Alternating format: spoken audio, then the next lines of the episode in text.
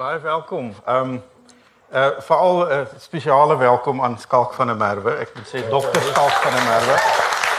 Ehm um, ons praat oor sy sy boek on record. Aanvanklik het dit in Engels uitgekom. Skalk sal jy wys hoe lyk die Ja, Engelse een daar? die Oor die geskiedenis van Afrikaanse mus- musiek, die die boek wat die eerste werklike uh, boek wat gaan oor die geskiedenis van Afrikaanse musiek en wat die standaardwerk geword het en nou ook beskikbaar in Afrikaans. Baie dit, dit gaan ja, van binnekort 'n goeiemiddag almal, dankie dat jy gekom het. Dankie Andries. Ehm um, ek het hier 'n proefkopie van die Afrikaanse weergawe hy's onlangs vertaal. Hy's nog letterlik brand hy nog my vingers soos hy hierso in my hande soos warm is hy van die van die drukpers af. Maar plate en politiek is nou So Engels weergawe. on record en die Afrikaanse een is plate en politiek. Ja. Ja. Ehm um, net toe, toe ek en Skalk laas gepraat het was in Bloemfontein en ehm um, hy het pas teruggekom die vorige aand het hulle 'n wille gig gehad. Hy en ehm um, Karen Zoe het saam met wie hy speel en hulle het 70000 rand ingesamel vir liefdadigheid. Maar ek dink hulle was so bly daaroor hulle het baie laat 'n partytjie ook gehad. Ek het um, ek was vroeg vroeg in die bed, maar die res van mense Maar ons het daar gesit en ons het oor die boek gepraat en ons het die hele tyd gewens ons het ons gitare daar gehad dat 'n mens van die punte kan illustreer.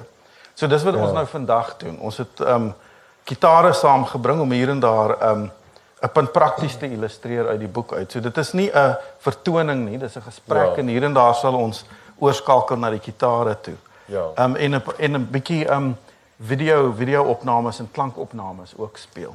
Ja, ek het gevind ook dat is een ding om te praat oor musiek. Hmm.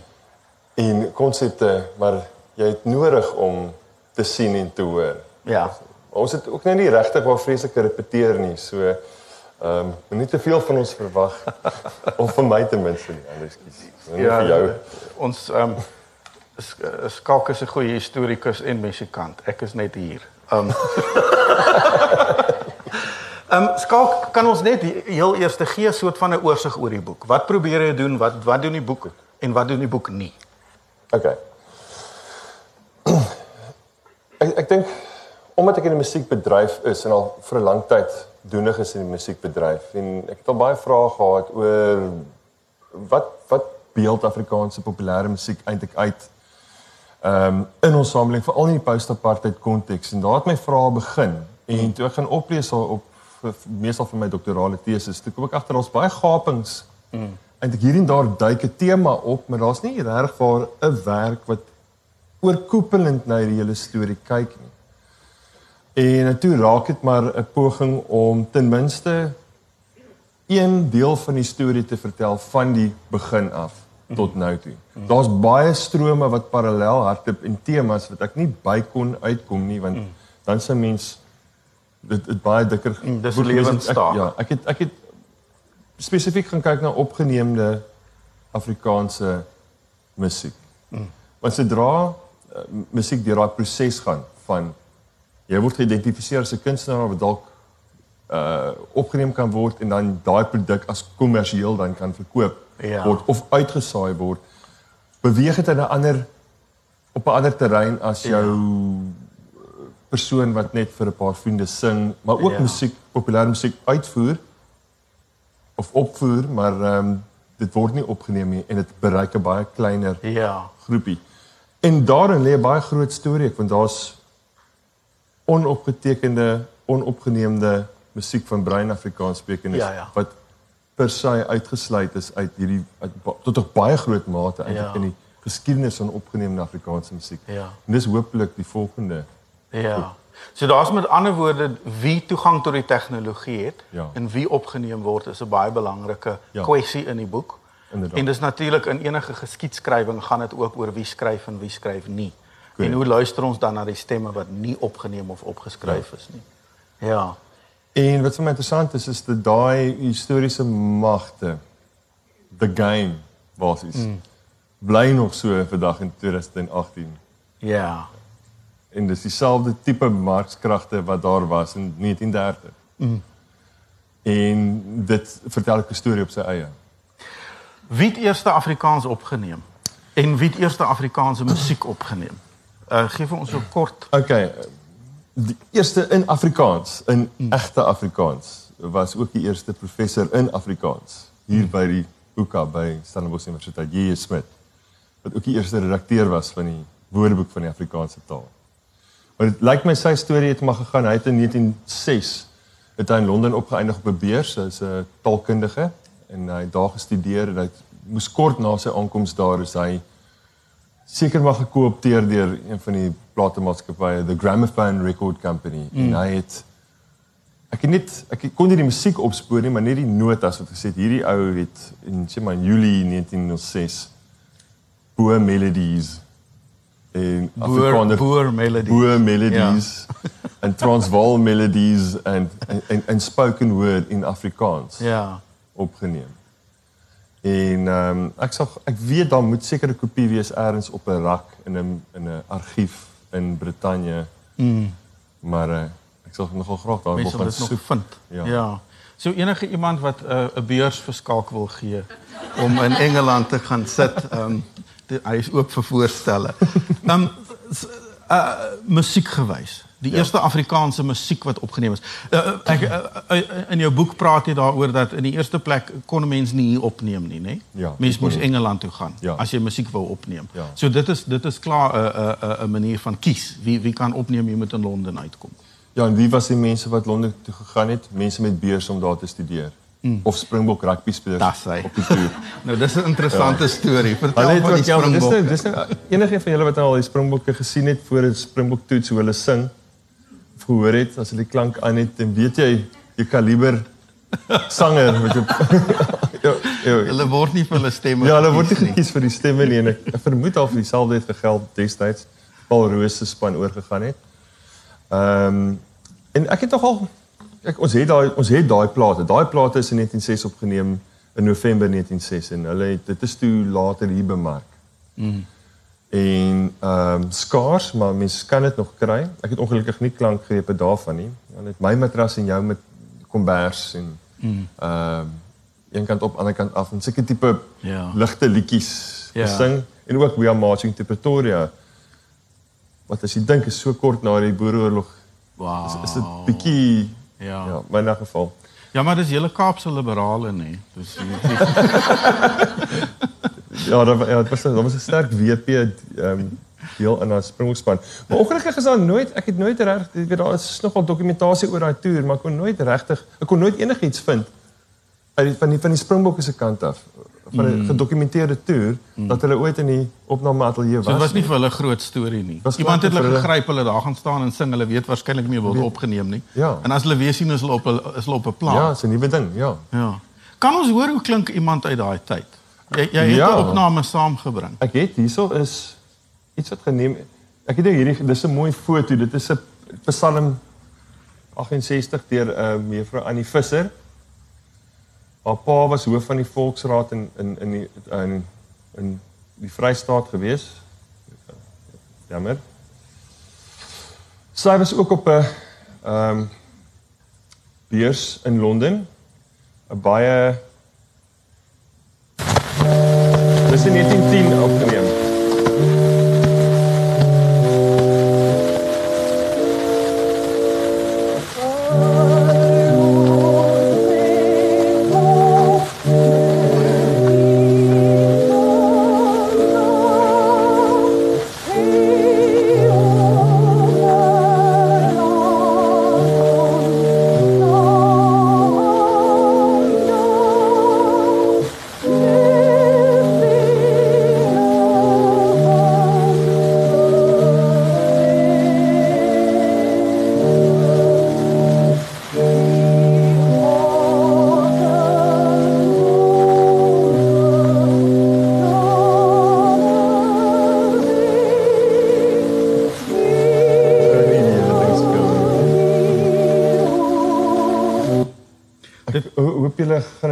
Ons gaan nou nie die die hele playlist alles vir julle ons dis net om 'n idee te gee.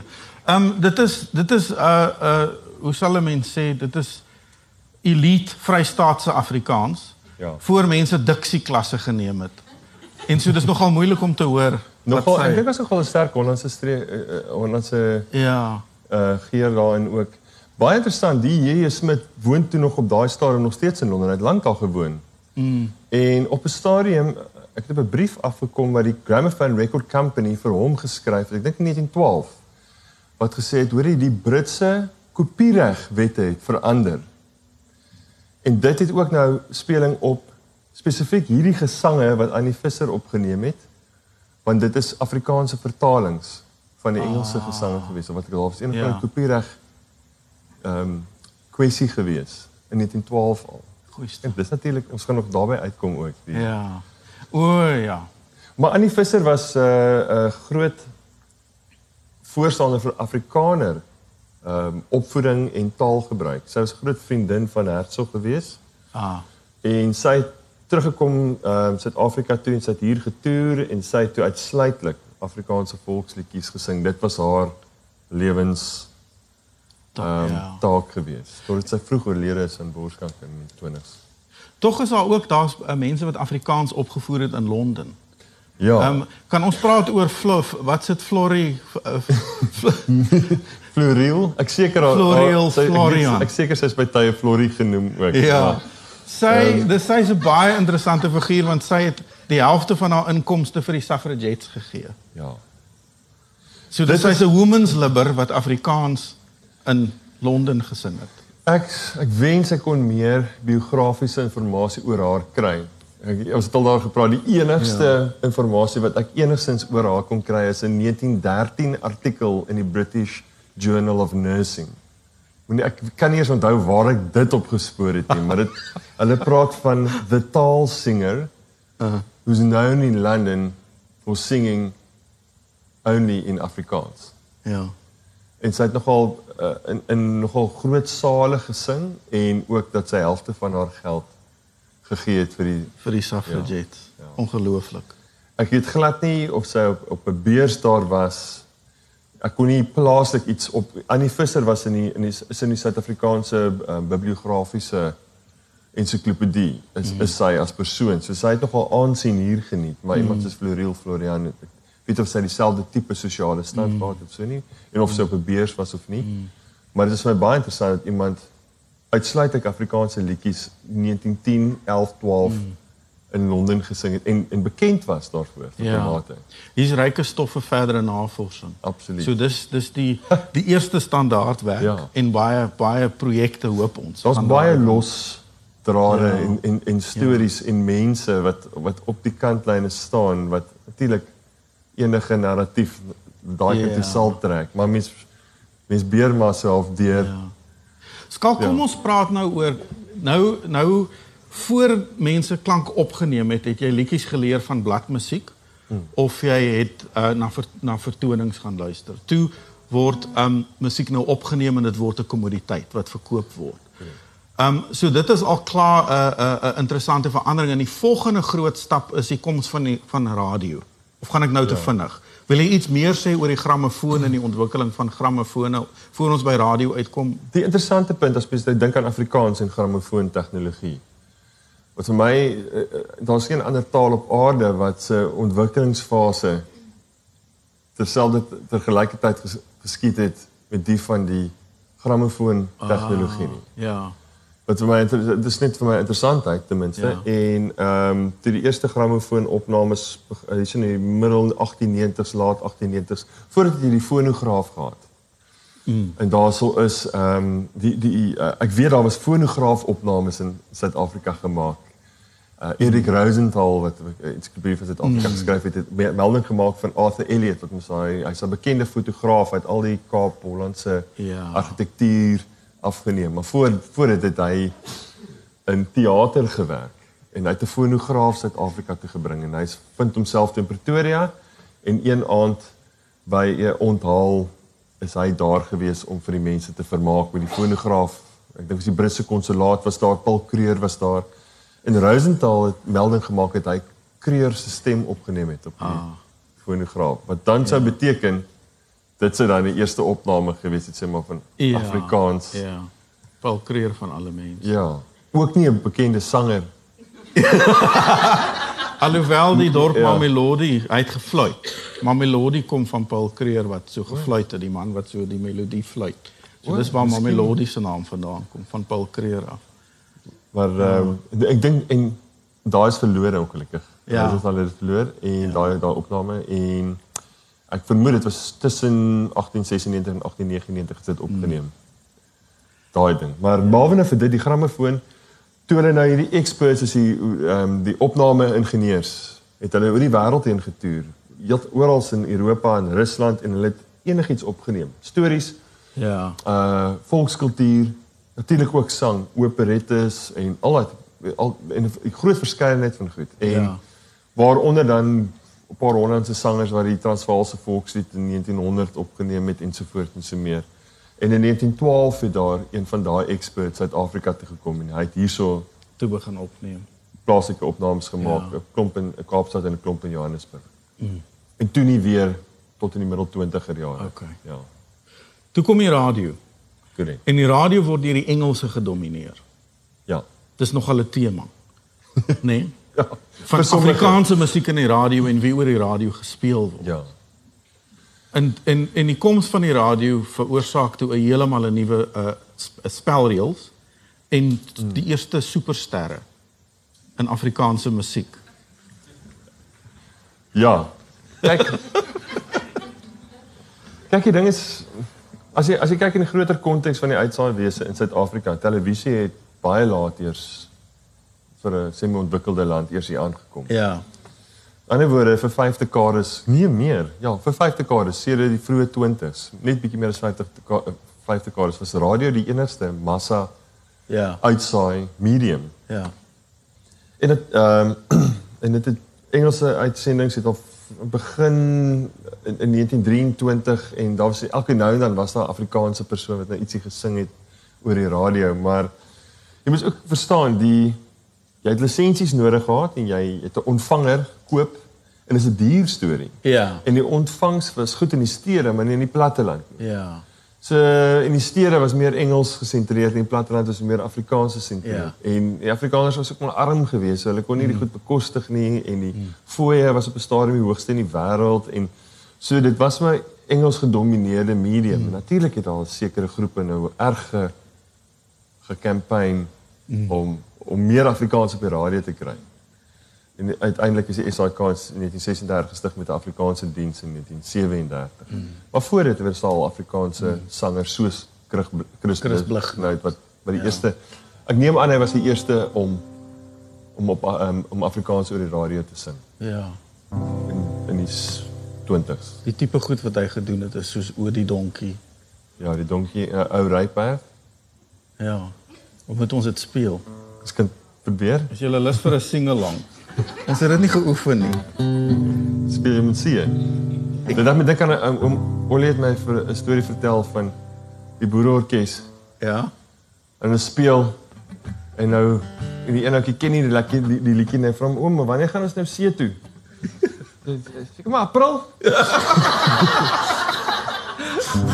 Ek weet nie C of G. Ehm Jy kan um, wat 'n een oor die donkie. ja. Oor die donkie, oor die donkie. Oor die donkie is 'n wonderlike ding. Hy staan en dink waar die muis ontstink. Die donkie is 'n wonderlike ding. en dis die tipe Afrikaanse musiek wat hits geword het, né? Nee? Ja, dit was 'n groot, dit was 'n groot, dit was 'n groot treffer vir dit was actually Chris Blig net sy grootste treffer gewees dit en en en ou ryperd. Ja. Ehm um, in 1931. Oh, ry pad, ons ry die pad te saam.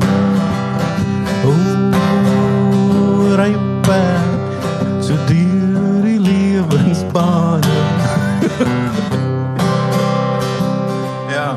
so dit is um dis jou vroeë die vroeë Afrikaanse musiek. Ja, wel ons ouer liedjies is dit, maar dit is Ja, jou dit dis is goed wat op die ja, dis Ja. goed wat op plaat vasgelees. En dan so mense soos David de Lange en so wat nogal soort van eh, die rock and rollers van die tyd was. Um Absoluut. Ja. Absoluut. Dit was boere musiek was heeltemal anders op 'n manier. Ehm um, dit was nog dit was nie iets wat as oordentlik beskou is nie. Ek gebruik nou ehm ja. um, Christie van Westhuizen se term daar. Hm? ja. maar dit, dit dit is dis as as laagklas musiek beskou. Ja. Ehm um, ek weet mense het 'n uh, wildpartytjie erg gedrink. Uh hoenders geslag in die bloed in die hoeke van die vertrek gesit as hulle dans en jy ja. sien net stof. En die volgende dag praat niemand oor wat gebeur het nie. So dit is dit is 'n boere musiek was nogal dit was dit was dit amper 'n trans trans tipe musiek en en dit was dit was dit was wild geweest. Terloops oom Olie het my 'n ander storie ook vertel oor hierdie einste ding wat nogal vir my baie dit eintlik 'n mooi uitbeeld. Ehm um, daar's eers in die Sandveld of hier op teen die Weskus na Makoland se wêreld toe. Ehm um, is daar 'n hierdie plaas gewees en hierdie patriarg en die seuns en hulle pla, hulle het ook van die buurtplaas op 'n stadium oorgekoop en half so 'n gemeenskap ontwikkel. Toe bou hulle nou 'n saal daarso. Wat ook nou gefunksioneer as die paaseke hof en waar mense trou en is ook dan die kerksaal, maar is ook die danssaal op die Saterdag aand. En dan die broers nou daar, die aan speel hulle die konsertina en dan dans hulle in die Saterdag aand en dan die Sondagoggend is hulle in kerkmode. Ja. Dan speel hulle gewyde. Ja. Musiek op, op maar ook dieselfde instrumente, dieselfde spelers. Ja. En die ou was die die patriarg stap nog so met sy kierie uit die kerk uit. Hulle speel nog so gewyd En net so voordat hy by die deur uit is in die woorde van hom Ollie te sê, tel daai een broer 'n beat op. en hy begin daai konsertina se bietjie wikkel. En die oom begin ook so 'n bietjie wikkel en hy sê maar sy draai my kies. Stop by nonsens. Wat is dit? Maar wat dit uit uitbeeld, dis dit is 'n ander dit was dit is 'n vermaaksmusiek, dit is 'n die boere musiek van die werkersklas. Ja hulle het nie boere musiek hulle het nie gehoor wat se naam dit was nie. Dis hulle ja. dansmusiek. Dis hulle musiek. Ja. En is eintlik musiek wat wat nie dit is uh dit was uit uit uit die koi koi tradisie uitgekom. Dit dit was nogal 'n gedeelde dansmusiek in die ja. breë Afrikaanse gemeenskap ook. Absoluut. Um en en en dit word dan later nogal redelik steriel gemaak en verander. Ja. As die nasionaliste probeer om dit meer respektabel of oordentlik te maak. Ja, dit is 'n um, daar het 'n interessante proses gebeur met daai hele stuk. Kyk, boeremusiek het baie diep en baie ou wortels en weet daar sou is ehm um, ook inligting wat mense opgeteken het oor Kaapse musiek, plaaslike musiek al van 'n paar eeue terug mm. en dit is gespeel die die, die boer van die plaas, baas van die plaas het nie die musiek gespeel nie. Mm. Mense nodig gehad om dit vir hom te speel mm. om op te dans. Mm daai tipe ding. Jy kry daai klasse in rasse hiërargie ook nog in daai in die uitvoering mm. van boermusiek in die 19de eeu reeds. Maar ook jy het ehm um, weet deur die loop van die 20ste eeu toe die eerste boermusiekplate op plaat neergelees ook hier al die vroeë 1930s mm. tydens die depressie jare toe mm. baie van hulle hulle self bevind dit in die stede as arm is.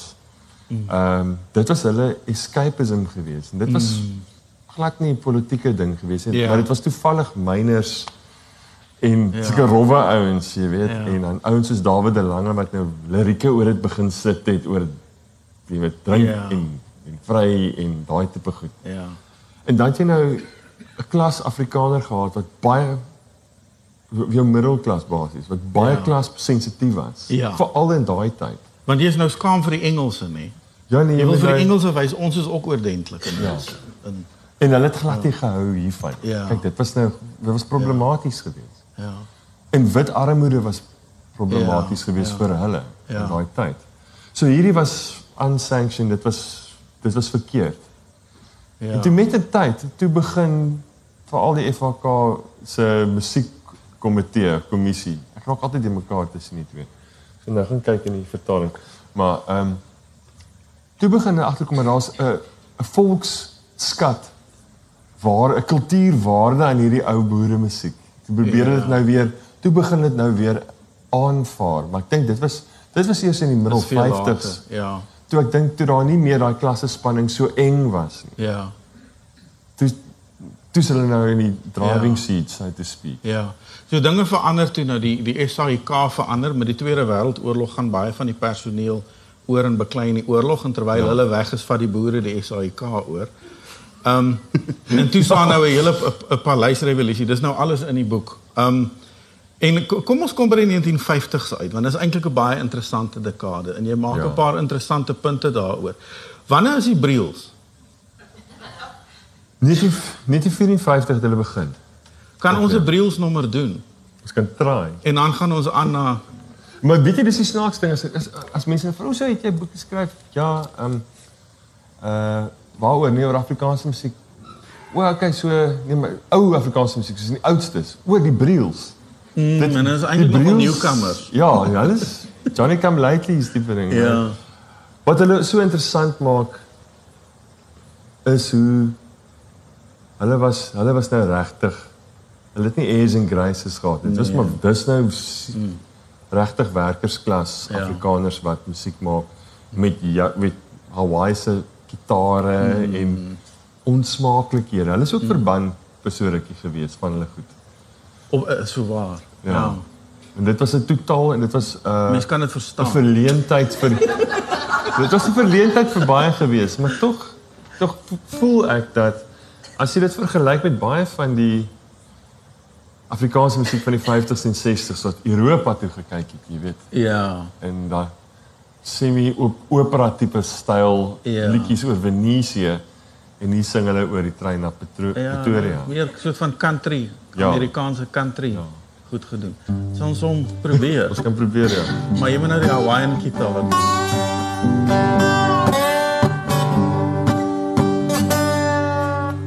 Skies. Dit het gebeur op die trein na Pretoria. Nie wie was bitterlijk koud.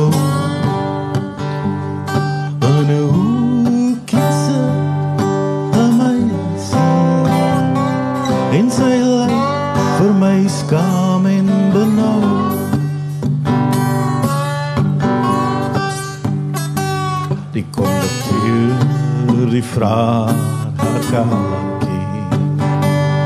Zij zegt, zij die geld om in te koelen. Maar ek moet gaan na Pretoria. Al moet ek ook daarheen loop. Ek ek dink nie ons moet die hele een doen nie, skalk. Ek Dis 'n interessante, dis 'n interessante liriek want Fransie Sunny Breu. Op op 'n party plekke los hulle sommer net die paar rym. Hulle het nie 'n woord gevind om te rym nie en dan dan hulle sit maar sommer aan die een in en die die die perspektief verwissel. In die een deel is hulle is die Breu wat sing in die kompartement en dan verander die verteller sommer weer in. So dis eintlik nogal, dis 'n dis eintlik nogal heel pret om dit te begin ontleed. Maar dit was dit was regtig, ek meen die dit is komies. Jy ja. dink dan nog terug en dink dis 'n karikatuur. Ja. amper. Moenie vir pappa nog sherry verkoop nie. vir pappa nie. en en toe hulle daar toe hulle vir Sunny Briel nog vra of of dalk hulle hulle dogter ook oor ons het nooit drank in die huis gehad nie, jy weet. Toe hulle ja. uitvra oor moenie vir pappa nog sherry gee nie. My pa het nooit aan alkohol, ooit nooit drank gebruik nie. Net ja. sommer daai punt. Ja, ordentlike mens. Ordentlike mens. maar ook nie ordentlik nie, weet. Dis al Wat interessant is want weet jy as jy nou jy was by Houtstok gewees Ja, ek ek, ek onthou ja. vir Tannie Sunny Briel of so so vaag weg onthou ek. En, want iemand het aan my sherry verkoop. Ja. maar sien nou ek weet dan hiersoos hulle nou saam met Tannie Sunny Briel is nou hierso en hulle speel saam met meeste van die alternatiewe Afrikaanse rockers van die laat 80s. Ja. En dis hierdie counterculture groot konsert met 22000 mense. Ja. En hier sit dan Sunny Briel en sing how much is that doggy in the window. Ja. En en, ja. en, en daai mense wat 'n spesifieke kulturele en sosiale groep nogal was. Ja. Sing luidkeels saam. Ja. En dis ja. Dalk omdat hulle kom van 'n tyd wat nie gevlek is. Mm. As mens nou kyk na die Kolbroek mynramp, nê, dit is nogal 'n interessante plaat ja. daai wat hulle ja. hulle dit op pad na die opname ateljee het hulle die liedjies geskryf. Ja. Daar, letterlik daar na die ramp is daai plaat uitgewees. Ja. Ehm um, en interessante liriek daar is wit en swart, dit maak geen saak om hulle te red, was die myne se taak. so daar's kommentaar oor die rasseorde. Daar is kommentaar. Ehm um, Maar hulle het niks geskryf vir Sharpeville nie, wat ook in daai tyd ja, gebeur nie het. uit die aard van die saak. Kan ons na die ander 19 die 1950s is interessant want is die tyd van rock and roll. Ja. En gebeur rock and roll in Suid-Afrika. Almal sê nee. Dit doen Ooh, moet ek hierdie wag. Ons ons ons gaan nou speel. Kyk, Suid-Afrika is nie immuun nie. Suid-Afrika is nie geïsoleerd nie. Mm. Dis wat ek agtergekom het. Al daar was daar was ehm, 'n um, streng kerk, streng onderwysers. Uh die FHK was daar om ons kulturele rigting, die bootjie in in 'n rigting en die nasionalisme en die nasionaliste was in beheer. Mm. Uh veral in die 50s ons is almal vertroud met daai wet van wette, wat apartheidswette wat le die lewe vir almal gereguleer het. Mm. En dit het natuurlik uh uh, uh ongelukkig uh um goed plekke soos Sapphire Town wat ongelooflike vibrant areas was van Ja. kultuur en musiek en integrasie en en gedeelde spasies oor rassegrense heen en oor musikale grense heen is gesloop. Ja. En dit het ook sy uitwerking gehad. Ja. En dit was 'n dis 'n interessante fase in daai tyd ook. Tref Elvis Presley Ja. die Afrikaanse Suid-Afrikaanse jeug. Eintlik nie, nie net die jeug nie. Ja. En dit het natuurlik ongelooflike interessante uitwerkings gehad. Jy weet die nasionale party die nie geweet wat om hiervan te maak nie, ja. maar genoeg in 1958 verkiesing gesê as jy vir die United Party stem, dan stem jy vir dis nie uit vir die rockmusikante van Oorsee Ja. af Suid-Afrika te bring en dit gaan 'n effek hê op jou tienerdogter. Is dit David Kramer wat gesing het on the day that I jailed Mandela I first heard John Lennon sing? Jy Nogal. 'n mooi lyn, hè? Ja. Kan wees. Ja, maar dit dit dit dit vat iets van Ja. van daai. Maar En- daar was rock and roll. Daar Nie was te min. Daar was nie te min.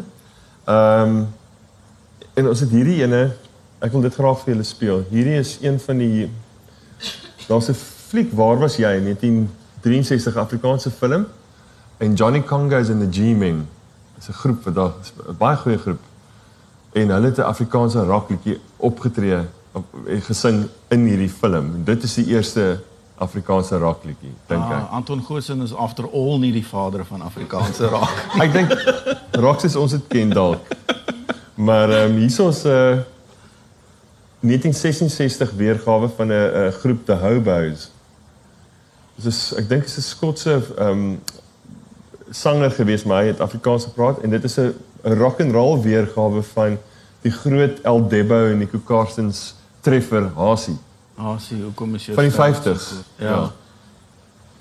Kom ons hoor.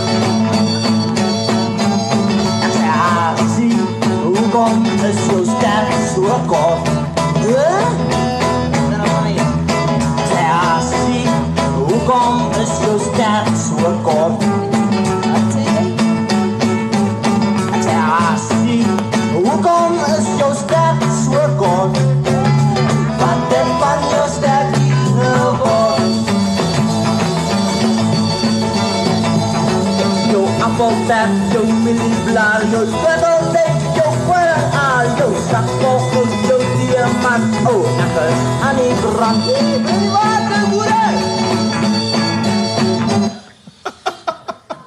Lekker man. Kyk jou hare. Ek wil net vir julle wys. Hierso is die Troubadour label en daai A verwys dit is spesifiek bemark vir die Afrikaanse gehoor. Wow. Uh Troubadour was ook een van die platemaatskappye vir wie die Briels opgeneem. Ah, Maar hulle het ook swart sangers op hulle label gehad. Dis Dorothy Masuka wat wat Yes. Pata Pata geskryf Ja. het saam met Miriam Makeba. En ook politieke liedjies gedoen het in ehm um, in dieselfde ateljee op miskien op verskillende tye. yes. En ehm um, wat het ek die sekuriteitspolisie het so nou en dan in die nag daarso gaan aanklop ook by die platemaatskappy se se studio, se ateljee om Ja. om te gaan. Maar jy kry ook op van die plate, ehm um, platemaatskappy Columbia het dit ook gedoen. Het jy C vir 'n colored market. En en so het hulle segmenteer hulle- dit so ja, hulle het die musiekmark gesegmenteer ja. baie volgens ras mm. en gehoor ook. Mm. So dit is dis net 'n interessante mm. Artefak sou ek sê van daai mm. era. So jy het rock and roll maar in dieselfde tyd het jy vergey. Ja. nou mens jy sê ek voel of almal sê hy was so 'n gentleman en alles en ek voel of sleg ek, as ek vergey so uh, maar selfde jaar okay behou was 1966 Beatles is sopas verban. Mm. As gevolg van John Lennon se Jesus uitspraak. Bigger than Jesus. Ja. Ja. En een van die groot treffers van dieselfde jaar. Houbus het nie baie van Hasie verkoop nie. Och die heide blommen mooie blommetjie en haar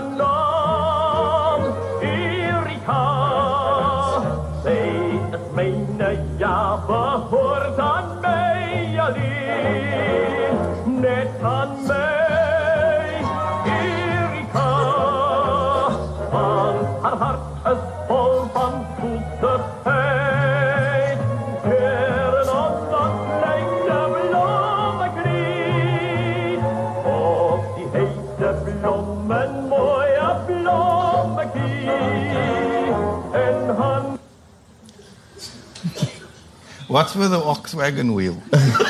Ek kom nou eens ek sê nou eens wat maak? Wat is die man besig om te doen daarso? Ehm groot treffer vir Gaai gewees. Nou Erika is uh Yuri Ferreira het ek opgeneem met 'n kare voor dit.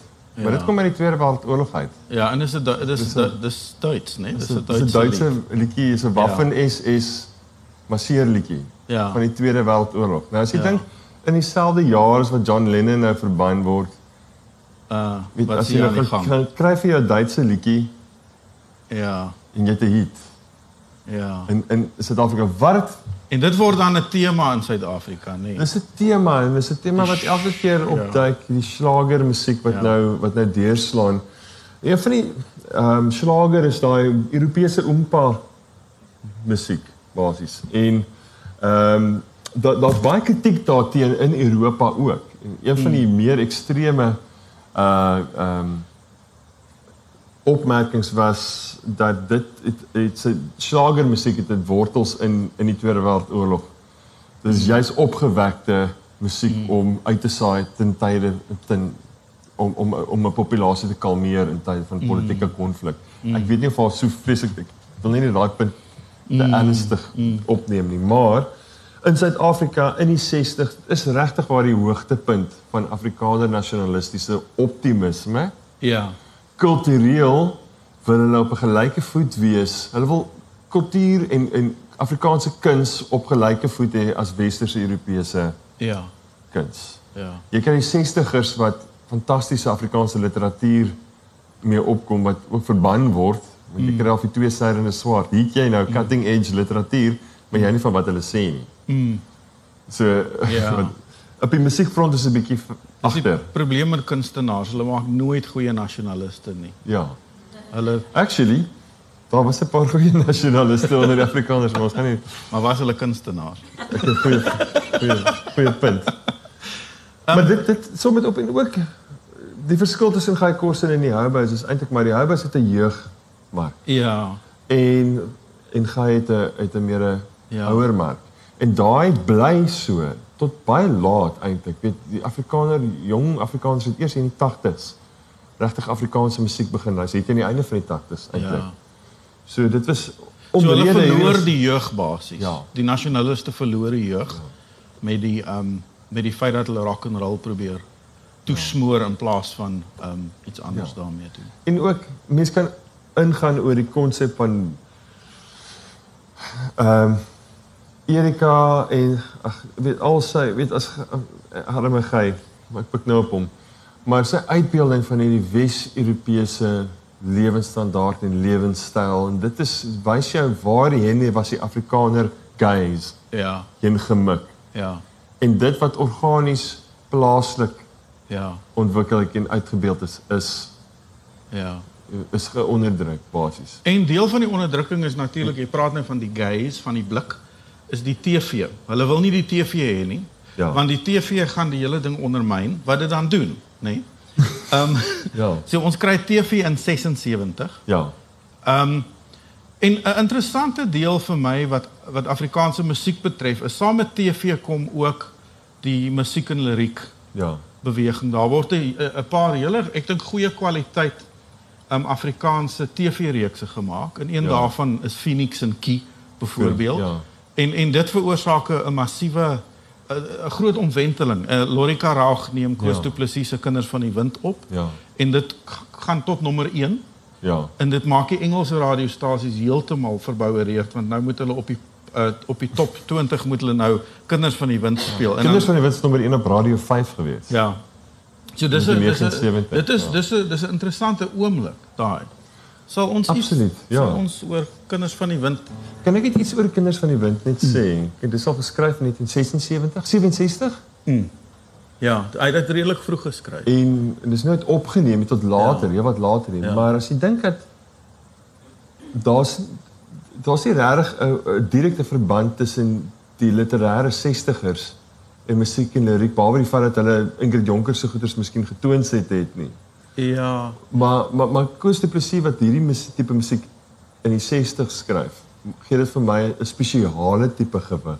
Ah, Daai tipe observasie ja. wat so vroeg dit so veel vroeër as enigiemand anders in Afrikaanse musiek daai ja. Ja. fynere kuns bemeester het. Dit is ja. regtig waarnemenswaarde. Ja. Voel ek. Sal ons hom Ek kan ja, ek hoop ek kan hom probeer in gee. Okay.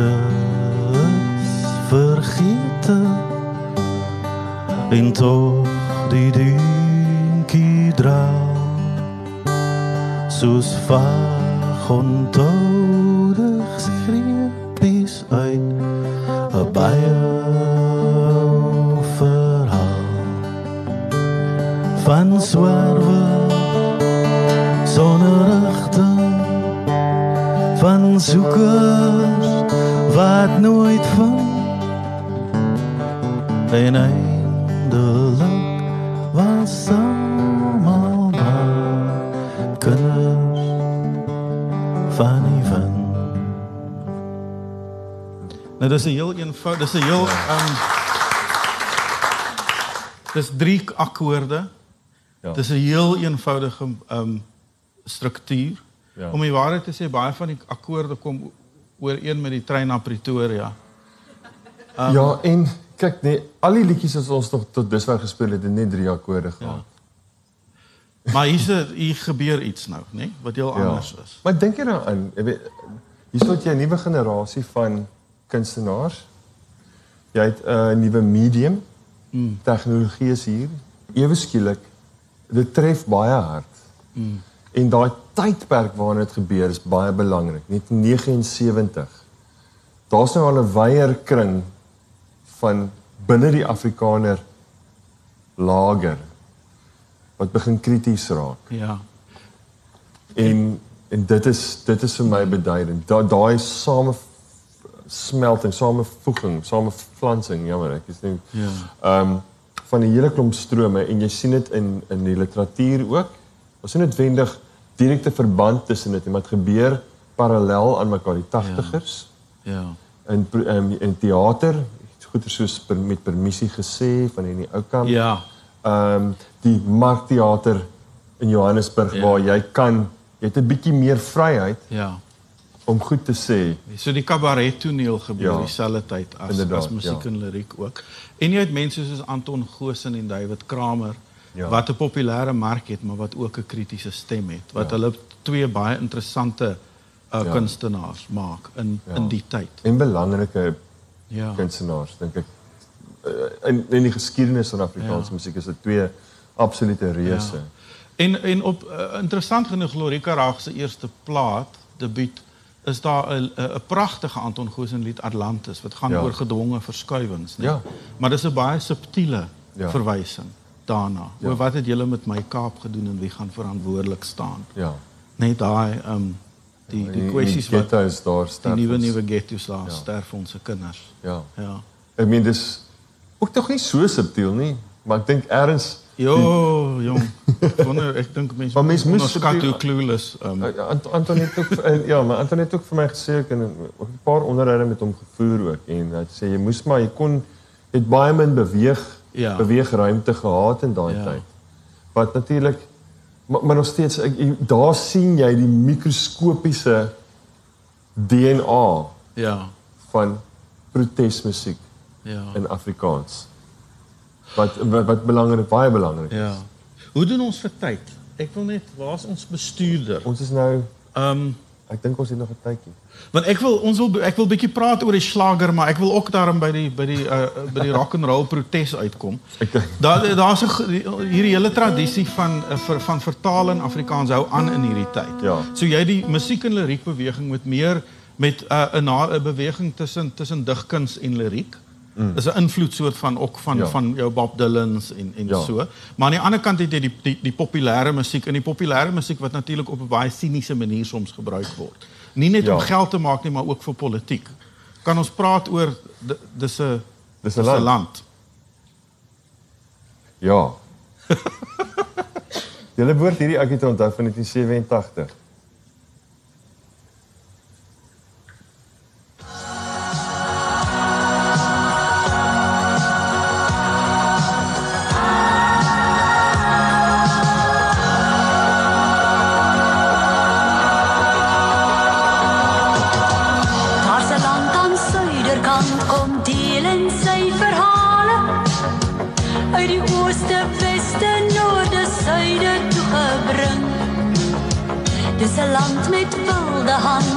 Uitreik telke male om die hoop van môre te besin.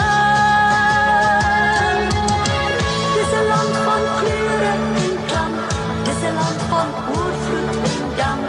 Dis 'n land waar almal na strewe.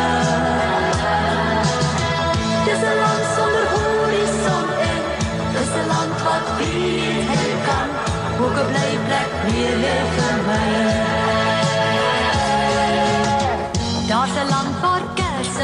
brand in vele mense tale.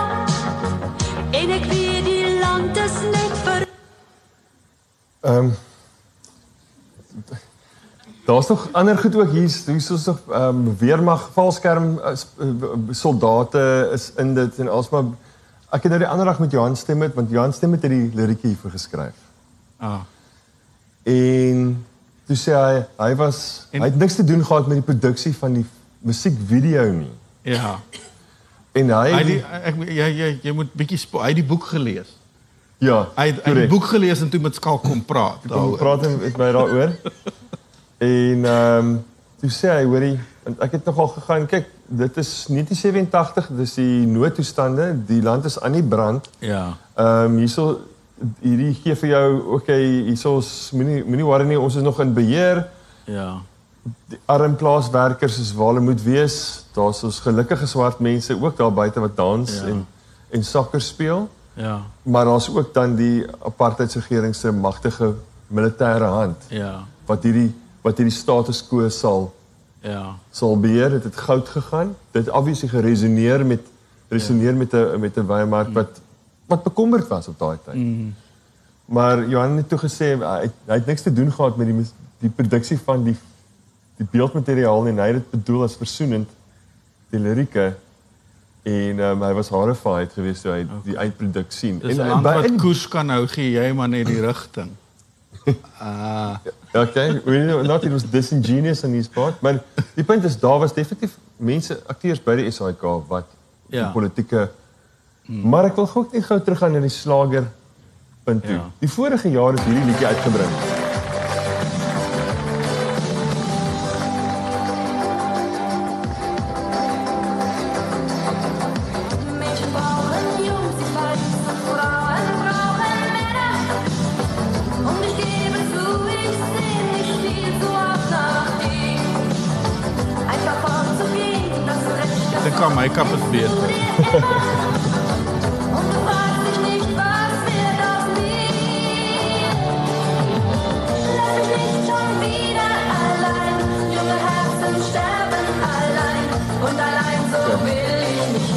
Dis Nicole. Ehm um, sy was Wes-Duitsland se 1982 Eurovision kompetisie inskrywing.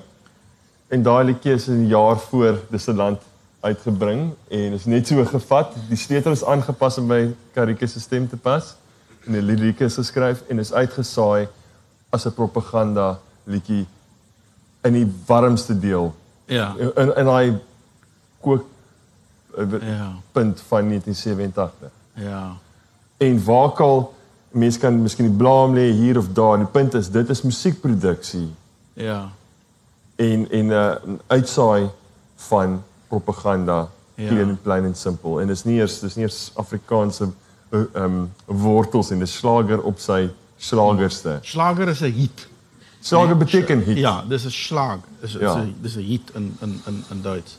Ja. Ja, maar dit is so daar's 'n hele industrie daar rondom. Ek weet nie, wil jy gaan na La Cucaracha toe en Ja, gaan ehm um, kom ons doen dit. Ons kan nou nou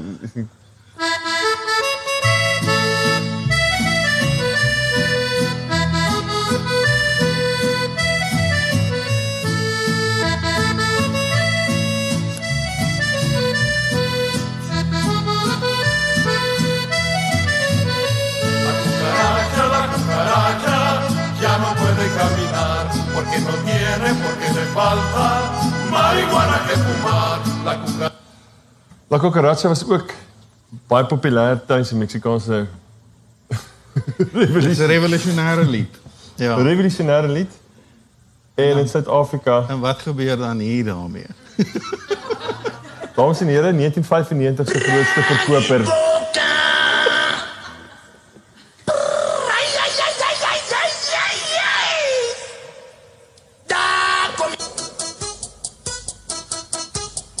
Anna.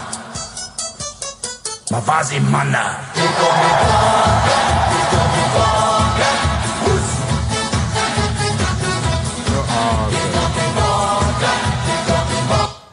Okay. Ek dis 'n bietjie aspres natuurlik. Maar ehm um, weet ons ons praat baie oor Afrikaanse musiek, Afrikaanse kuns, Afrikaanse populêre kultuur, Afrikaanse dit, Afrikaanse dat. Ons praat nooit oor Jy goed is nie Afrikaans nie. Ah, Ja. En ehm um, ek het daar's daar's 'n daar's 'n boek in 1999 uitgegee daar in Pretoria en ek sê 100 grootste Afrikaanse liedjies. En ek het gaan kyk wie dit geskryf. Mm. 36 van die 100 grootste Afrikaanse liedere het glad nie eens wortels in Suid-Afrika. Is oorsee geskryf en ingevoer. Okay. Ehm um, so as mens wil praat van So selfs op nasionalistiese terme slaag dit nie as 'n projek nie. Dis dis daar's 'n ironie daarin. Dit, dit ek, ek spandeer 'n bietjie tyd daaraan in die boek. Ehm um, mm. maar die punt is dat uh, v- vir 'n uh, samelewing wat so selfbehep is met hulle eie eie kulturele wêreld en mm. en hierdie taal en en en daai tipe goed word daar dan baie deurgelaat. Mm. En dit wys ook dat die die Afrikaanse luistermark nie so veel worry daaroor Mm. soos wat die wat, wat die kulturele elite daaroor bekommerd is nie. So dit dit is dit is maar net 'n tema wat ek wat daar is vir enigiemand om te gaan. Kan ons oor protes weer praat? Ja. Um Miskien vinnig uh, Bernaldus Niemand 83. Uh, ons spring nou hmm. terug in tyd weer. Dis 'n Ja. interessante tyd. 83, ek dink 84 is die eerste noodtoestand, Ja. Né? Um 83 kom hy uit James Phillips met 'n album Ja. Wie is Bernaldus Niemand? 'n Jong Andrei Letoy luister daarna. Dit inspireer hom om te begin Afrikaanse musiek speel. 'n Engelsman van Springs, Koos Du Plessis is ook van Springs, interessant genoeg. Die Hobos is van Um, Germiston. Daar's hy. David de Lange is van Ja, ek sê vir hulle die Benoni. Ja. Ehm um, daai die Oosrand se Ja. ja. se die Oosrand en dit is ook die plek van die Radio Rats, die punkgroepe Ja. van die laat 70s, Corporal Ja. Punishment. Ja. Ehm um, die Oosrand is eintlik basies dink ek die kulturele Ja. Mekka. Kom ons luister, ons vinnig Afrika. Dit dit is die dis die dis die uh, soos James Phillips sê, the center of the universe. Are you recording? Hou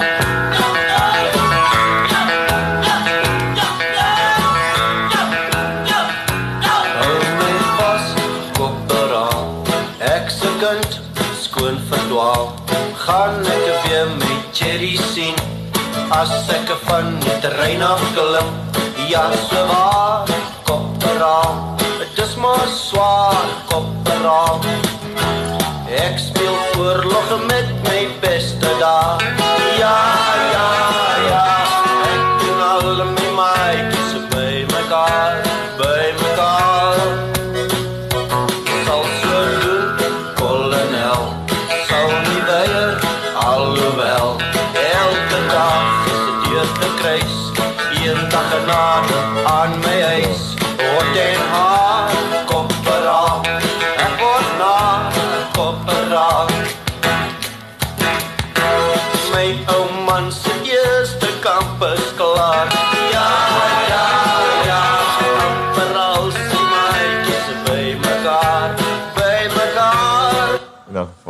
Ja.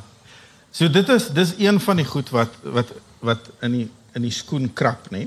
Is daar gaan te veel mense dood in Angola. Mm. En en dis hierdie hierdie ongemak word 'n word 'n tema dan. In Ja. musiek jy kry ook dieselfde tyd troepie doopie wanneer Ja. kom jy huis toe wat dit probeer 'n 'n salvie aansmeer maar maar ehm um, Ja. by Noldes niemand sit sy vinger op 'n seer plek en hy druk hard. Ja. En dit word 'n 'n 'n 'n tema in die end conscription campaign. Ja. Dit word deur hulle gebruik en so. Dis interessante tye daar. En en ook James Phillips, Barnol is niemand se regte naam, weet. Ehm um, hy is 'n Engelssprekende Suid-Afrikaner. Hy's nie eers 'n uh, uh, moedertaal Afrikaans sprekende, Ja. maar hy Maar hy, hy is in van Springs, hy is in Springs en hy in Bernoldes is hierdie werkersklas hero. Weet jy dan Ja. dan jy dan lees jy hierdie onderhoude met sy sussie wat sê net Bernoldes is nie nou hier nie, hy's nog besig om sy kar te tune, maar ek is ek skou pad koffie toe om vir hom te gaan smokes koop en dan weet dan praat sy nou oor haar ouer broer tipe ding, maar Ja. hy steek die draak met daai, maar ook hy En wat interessant is, hy was ook dis hy en Andre Letoe en Johannes Kerkorrel wat die spulpunt was Van die van, van die Voelvryheid toer. Ja. En waar Koos Kombuis en Andre Letoe en Johannes Kerkorrel hierdie middelklas Afrikaner protes gehad het. Was Bernoldus niemand Ja. 'n heeltemal 'n 'n ander Ja. subversion wat daardeur gekom het wat vir my baie interessant is en dis dis tragies dat hy vroeg oorlede is en dit is goed nie ehm maar hy het ons gelos met ongelooflike interessante absoluut. en ek dink dis daai hy het niks te doen gehad met musiek en lyriek nie. Hy het geen ehm ek ek weet nie wat hom begeef het om om in Afrikaans te begin Ja. sing in 1983 nie, maar Ja. dit was baie effektief. Ja. Ehm en ek dit het definitief die voelvrye ouens beïnvloed. Sal ons bietjie rock and roll doen? Probeer. Ja.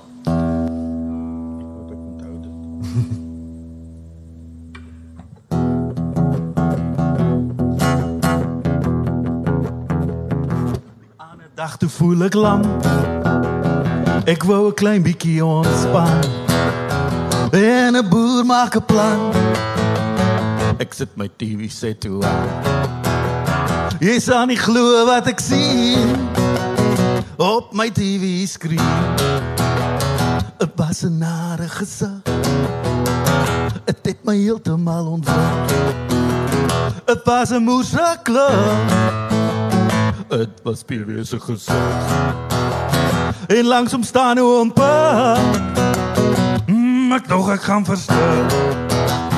En sit dit af, sit dit af. Sit dit af, sit dit af. Sit dit af, sit dit af. Sit dit af, sit dit af. Want dit is helse straat.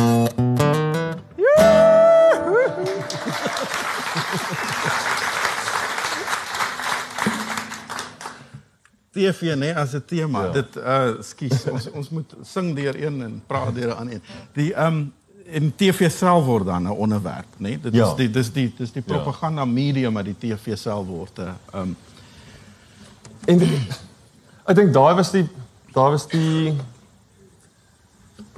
ja, dit was die toppunt van Afrikaanse protesmusiek wat voelvry gedoen het. Hmm.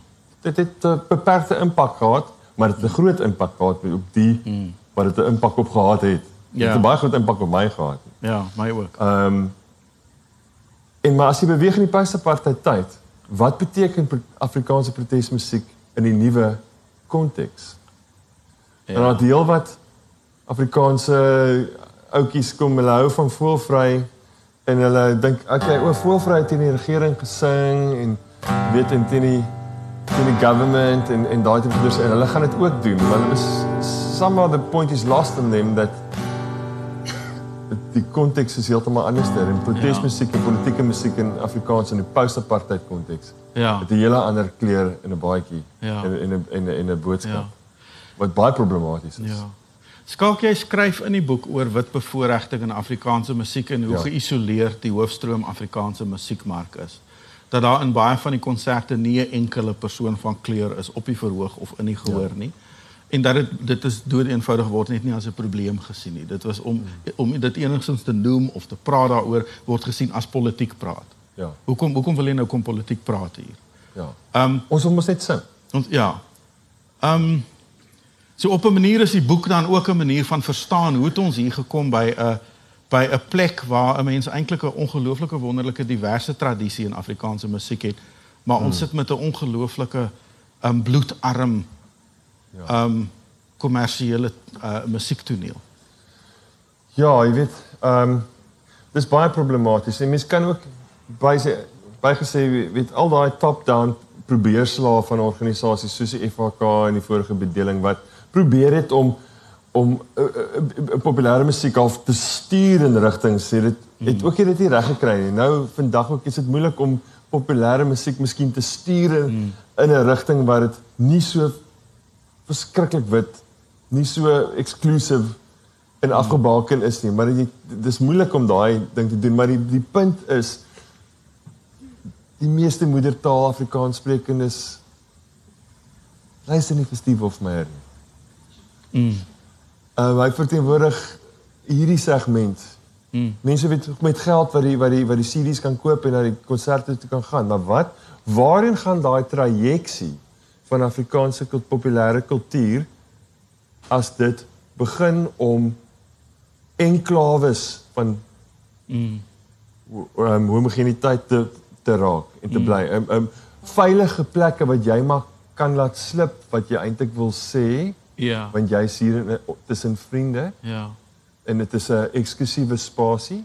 So waar die staat dit nie meer doen, nie slag die mark nou heeltemal Ja. effektief Ja. daarin om dit om dit te Ja. weer te En herskep. ek sien nie die vers, die tipe verandering. Is dit nie in hiphop nie? Ek het nou Annie Ja, Klopper se hiphop- se D gelees. Sy vat 'n baie meer positiewe lyn as jy. Sy sê in hiphop is hulle besig om die ding Ja, te doen hiphop wat kom hiphop is ground up fantasties. Hoeveel verkoop daai ouens? Mm, okay. Ek kyk ek onthou ek het myself opgesaal daarmee. Ek het gaan kyk na die go- goed wat ek nie van hou nie. Ek gaan eerlik wees. Ek ek is nie 'n uh, Afrikaanse popmusiek luisteraar en koper nie. Glad nie. Ehm um, ek gaan kyk nie na die groot konserte waar hulle almal in hulle sequence rokke swaai aan kabels en sulke tipe goed nie. Doen Dis nie, ek is nie deel van daai mark nie. Ek het nie eens geweet hulle doen dit. Ja, ja. Ek ek ek kyk dit vir navorsingsdoeleindes. So ek is ek is ek het ek het myself opgesaal met om te gaan kyk na die lelike noem dit nou maar dit hoofstroom. Ja. Want ehm um, ja, jy kry volk op polisiekar wat wat eintlik baie goed doen. Mm. En dis dis underground, mm. jy weet, en hulle het 'n bietjie street cred en daar's mm. dis 'n interessante dis 'n interessante topic mm. daar, fantasties. En hiphop en dis dis hierdie areas van vernuwing mm. en grensverskuiving waar dit plaasvind. Seker maar soos wat ook maar die globale model is, jy weet. Ehm um, ek het gekyk na die problematiek van die hoofstroom, veral in die Suid-Afrikaanse maar ook spesifiek in die Afrikaanse taalkonteks. Mm. Eintlik daai spasie is is en ook jy sal sien by kunstefeeste baie keer ander kunstefeeste, nou die nie die woordfees nie natuurlik. Ehm um, wat wat ehm um, dit is homogene wit spasies.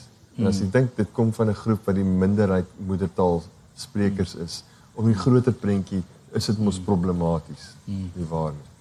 En bygesê En ek noem maar net vir Bobby van Jaarsveld net as 'n off the top of my head. Hy het nie 'n politieke been in sy liggaam nie.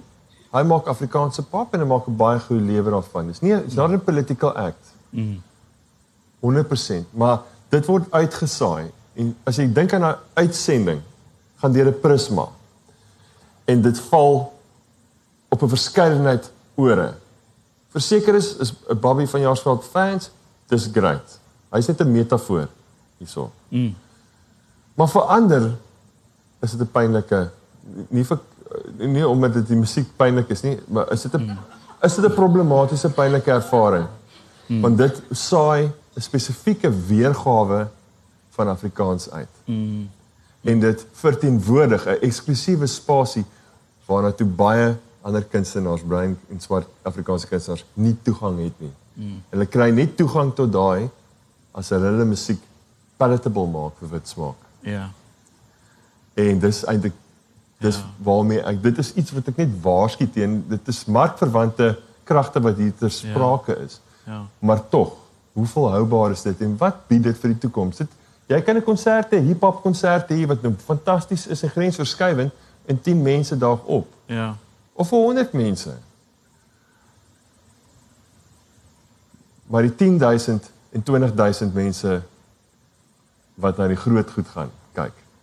Daai het nog nie verander nie. Ja. Ek sien nie verandering en vernuwing daar plaasvind nie. Ek sien ja. pyrotechnics en audio visual technological improvements. Ja. Maar dit wat hulle bied, en bly die tegnologie wat die pitch mooi Ja, hou. dis die ding. Vra Ons het van die gehoor. Ons het tyd. ons het 'n bietjie tyd, ja. Okay. Nee, ag nee. Kan ons nie meer kry nie. Is daar enige iemand wat 'n wat 'n ek ek is nou so half ek dink onverwags op julle. Daar uh Vernon swart agter.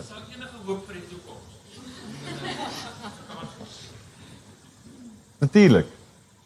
Ja. Ehm um, solank niemand bologna eet nie, so, so, so. Ek dink nee, um, ek dink uh, uh, tegnologiese verandering, uh online musiek, streaming, ehm um, daar's 'n nuwe generasie kunstenaars wat baie beter is daarmee om om aan te pas daarmee en en sin te maak. So ek ek ek dink so jy omseil daar daai gekontroleerde spasie en dit maak nuwe dit, dit bied nuwe ehm um, what's opportunities in Afrikaans? Geleenthede. Geleenthede. Skus, ek het die boek in Engels geskryf. Skus. Duidelik hoekom. So ja, natuurlik. Kees van der Walt. Ja, baie dankie. Waar is die breinstemme in Afrikaans hier in die boek? Hulle as as recording artists want want dit spesifiek gefokus ehm um, op op op, op daai mense wat wat plate opgeneem het begin hulle inkom eers hier in die 80s ehm um, Prophets of the City en dan in middel 90s en middel 2000s soos uh Brasse van die Kaap en jou Hemelbesems wat interessante ehm um, samewerkings het met ander Afrikaanse kunstenaars en dan nuwe konteks daarin gee. Mense soos Jeetsvinger, uh mense soos Churchill Nudee, hulle is daar. Maar die punt is ook die problematiek is dat daar is so min breinstemme histories wat populêre Afrikaanse musiek opgeneem het. Nico Karstens en Stan Murray het op 'n stadium in die 50s spesifiek bruin musiek opgeneem vir 'n bruin mark, maar dit was wit musikante en dit is bemark onder 'n bruin gehoor. Met die Perry Seren- Serenaders was 'n groep waarna hulle gespeel het.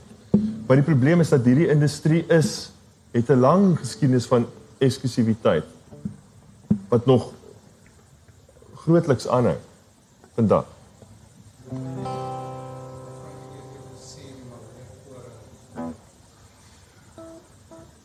Ek dink dit was dit het nie die hoofstroom reg betree nie.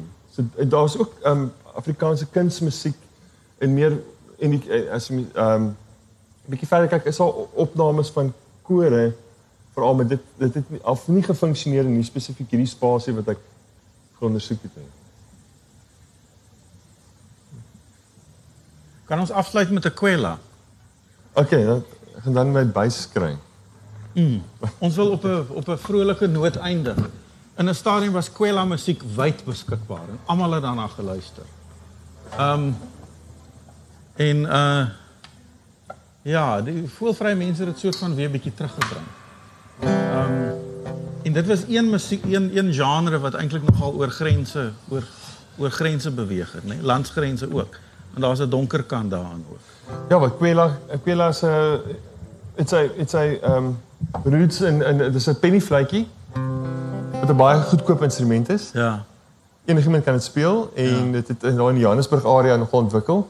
Ja. En en dit het uh, jy het swart Kwela kunstenaars gehad wat wat plate uitgebring het. Toe jy swart kunstenaars gehad wat plate uitgebring het was be- wat bemark is onder wit gehore. Ja. En toe jy wit Kwela spelers begin kry wat toe nou wit Kwela speel vir wit gehore. Ja. En dan daai Kwela bietjie anderser ge, geklink ook. En toe is Kwela verskriklik populêr vir baie lank. En ja, jy sê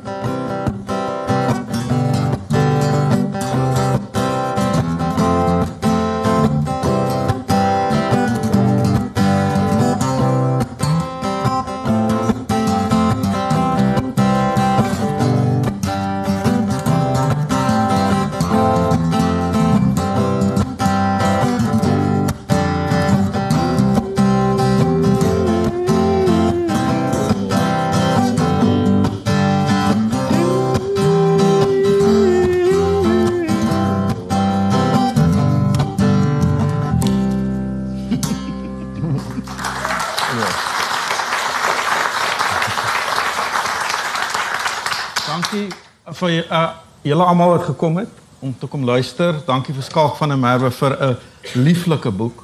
Die standaardwerk oor die geskiedenis van Afrikaanse musiek wat generasies nog na gaan verwys en lees. Ook binnekort in Afrikaans beskikbaar. Ook as 'n e-boek beskikbaar met baie skakels na van die klankgrepe wat interessant is. So ehm um, kry gerus 'n kopie daarvan. Skalk laaste woord aan jou. Dankie Andries. dankie dat jy gekom het en uh ja.